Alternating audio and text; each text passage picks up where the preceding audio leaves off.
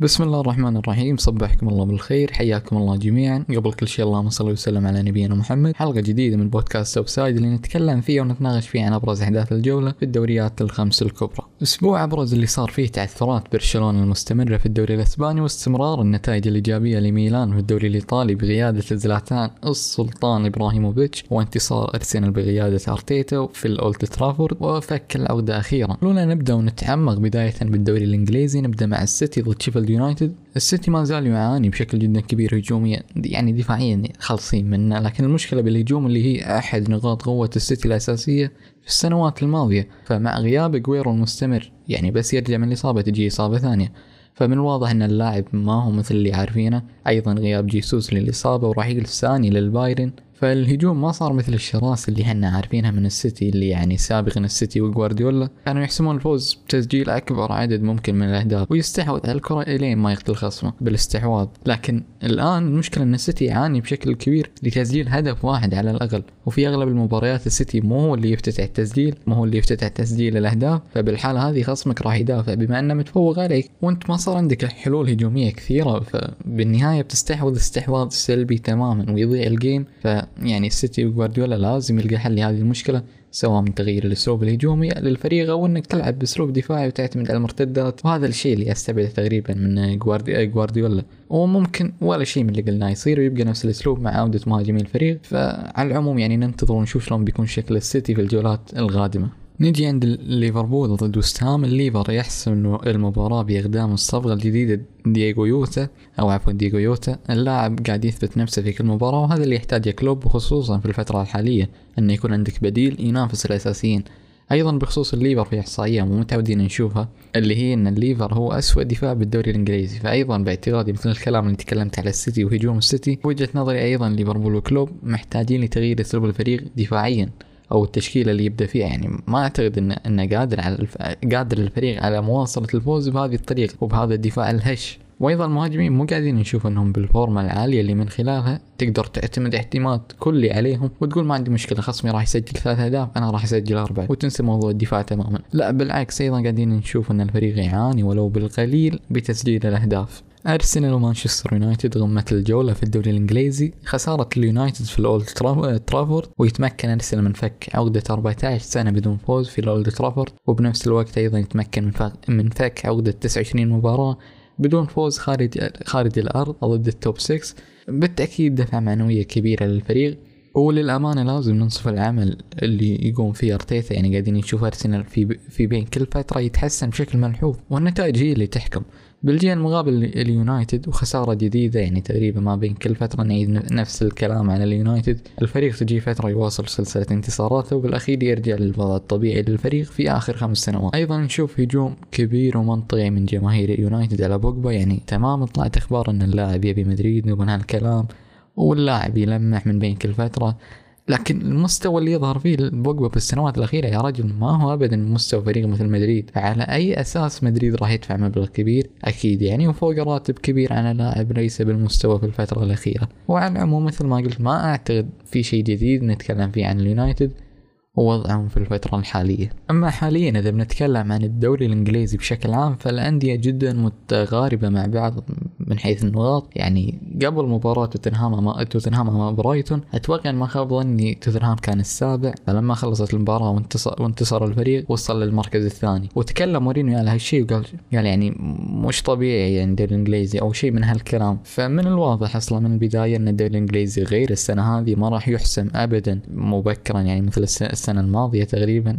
يعني شفنا الليفر حسمها بشهر 11 يا رجل. فمثل ما قلت يعني ما أتوقع ابدا يحسم مب... آه، بشكل يعني مبكر. وأيضا مثل ما قلت الأندية جدا متقاربة مع بعضها وقاعدين نشوف إثارة في كل جولة. وواضح إن بنشوف دوري مثير إلى آه، لين اللحظات الأخيرة الموسم هذا يعني. وبعد ما خلصنا من البريمير ليج وإثارة الدوري الإنجليزي نجي عند الدوري الأسباني وتعثر جديد لبرشلونة بالدوري. بتعادل بطعم الخسارة ضد ألافيس وريال مدريد تمكن من الفوز برباعية على هويسكا. إذا بنتكلم على مباراة مدريد فلازم نذكر هازارد. وأخيرا عودته للتسجيل بعد طول انتظار. يعني باعتقادي هازارد لو يقدم فقط 50% من مستوى اللي مع تشيلسي هذه الحالة صفقة جديدة لريال مدريد. فأكيد من إيجابيات المباراة عودة هازارد للتسجيل. فوز سهل للريال مثل ما قلنا. وبانتظار الفريق مباراة صعبة أمام الإنتر في دوري الأبطال وخصوصا بعد التعثرات بالمجموعة. ونجي عند برشلونة والمهزلة اللي قاعدة تصير بالفريق والخلل الواضح بالمنظومة والأفراد. يعني أنا بس مستغرب من شيء. بوسكيتس ليش ليش إلى الآن ما زال اساسي بالرغم أن بيانيتش قدم مباراة كبيرة أمام اليوفي في المباراة الماضية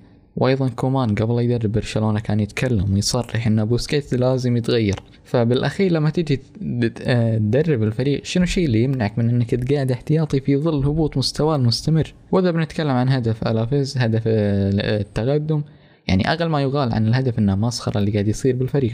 بشكل عام قاعد يعاني الفريق سواء من الناحية الدفاعية أو حتى الهجوميه وإلى الآن ما فهمت ليش تم الاستغناء عن سواريز وعدم تعويضه بمهاجم ثاني. إذا بنتكلم عن الإيجابيات اللي قاعد تصير لبرشلونة فهو للأمانة ما في إيجابيات. ممكن الإيجابية الوحيدة إن كلنا عارفين برشلونة في السنوات الأخيرة يبدأ الموسم بشكل أسطوري وينهي الموسم بشكل كارثي. فهالمرة غير يعني برشلونة يبدأ الموسم بشكل كارثي هل ممكن ان نشوف تغيير جذري للفريق ولشكل الفريق بشكل عام؟ وخصوصا إن ميسي ما قدم شيء لحد الآن خلينا نكون واقعيين ويبقى هذا مجرد توقع. يعني عادي جدا نشوف الفريق ينهي الموسم بشكل كارثي أكثر من السنوات الماضية. فعلى العموم ننتظر ونشوف. ونيجي عند الدوري الإيطالي وإثارة الكالتشيو المستمرة. يعني إذا بنتكلم عن الدوري الإيطالي لازم نتكلم عن أحد أساطير كرة القدم اللي ما زالوا يقدمون مستوى كبير بالرغم من تقدمهم بالعمر. أكيد قاعدين نتكلم إحنا عن الدون كريستيانو رونالدو اللي يتمكن من العودة بعد تعافيه من. من في... فيروس كورونا ويدخل كبديل ويتمكن من تسجيل هدفين شيء جدا كبير ومتعودين نشوفه من الدون. وبالجهة المقابلة عندنا زلاتان إبراهيموفيتش وقيادة ميلان للفوز على أودينيزي بهدف على طريقة زلاتان. يعني كلنا عارفين أهمية الفوز هذا لميلان لأن كلنا عارفين شلون يتحول أودينيزي لما يقابل ميلان في الدوري إلى أعظم نادي في تاريخ كرة القدم. لا, لا فعليا وجماهير ميلان عارفة هالشيء. فأكيد إنه فوز أكثر من مهم. وإذا بنتكلم عن مباراة ميلان مثل ما قلنا فوز أكثر من مهم ودفعة معنوية كبيرة وخصوصا على فريق مثل مثل أودينيزي كما. يعني كما تكلمنا قبل شوي إن شلون فريق يتحول لما يقابل ميلان. فأعيد وأكرر فوز جدا جدا مهم وخصوصا إنه في أخير الدقائق تقريبا. وما زال ميلان يقدم مستويات جدا كبيرة وما... إلى الآن ما انتهت سلسلة النتائج الإيجابية للفريق. يعني قاعدين نتكلم عن 24 مباراة تقريبا بدون أي خسارة.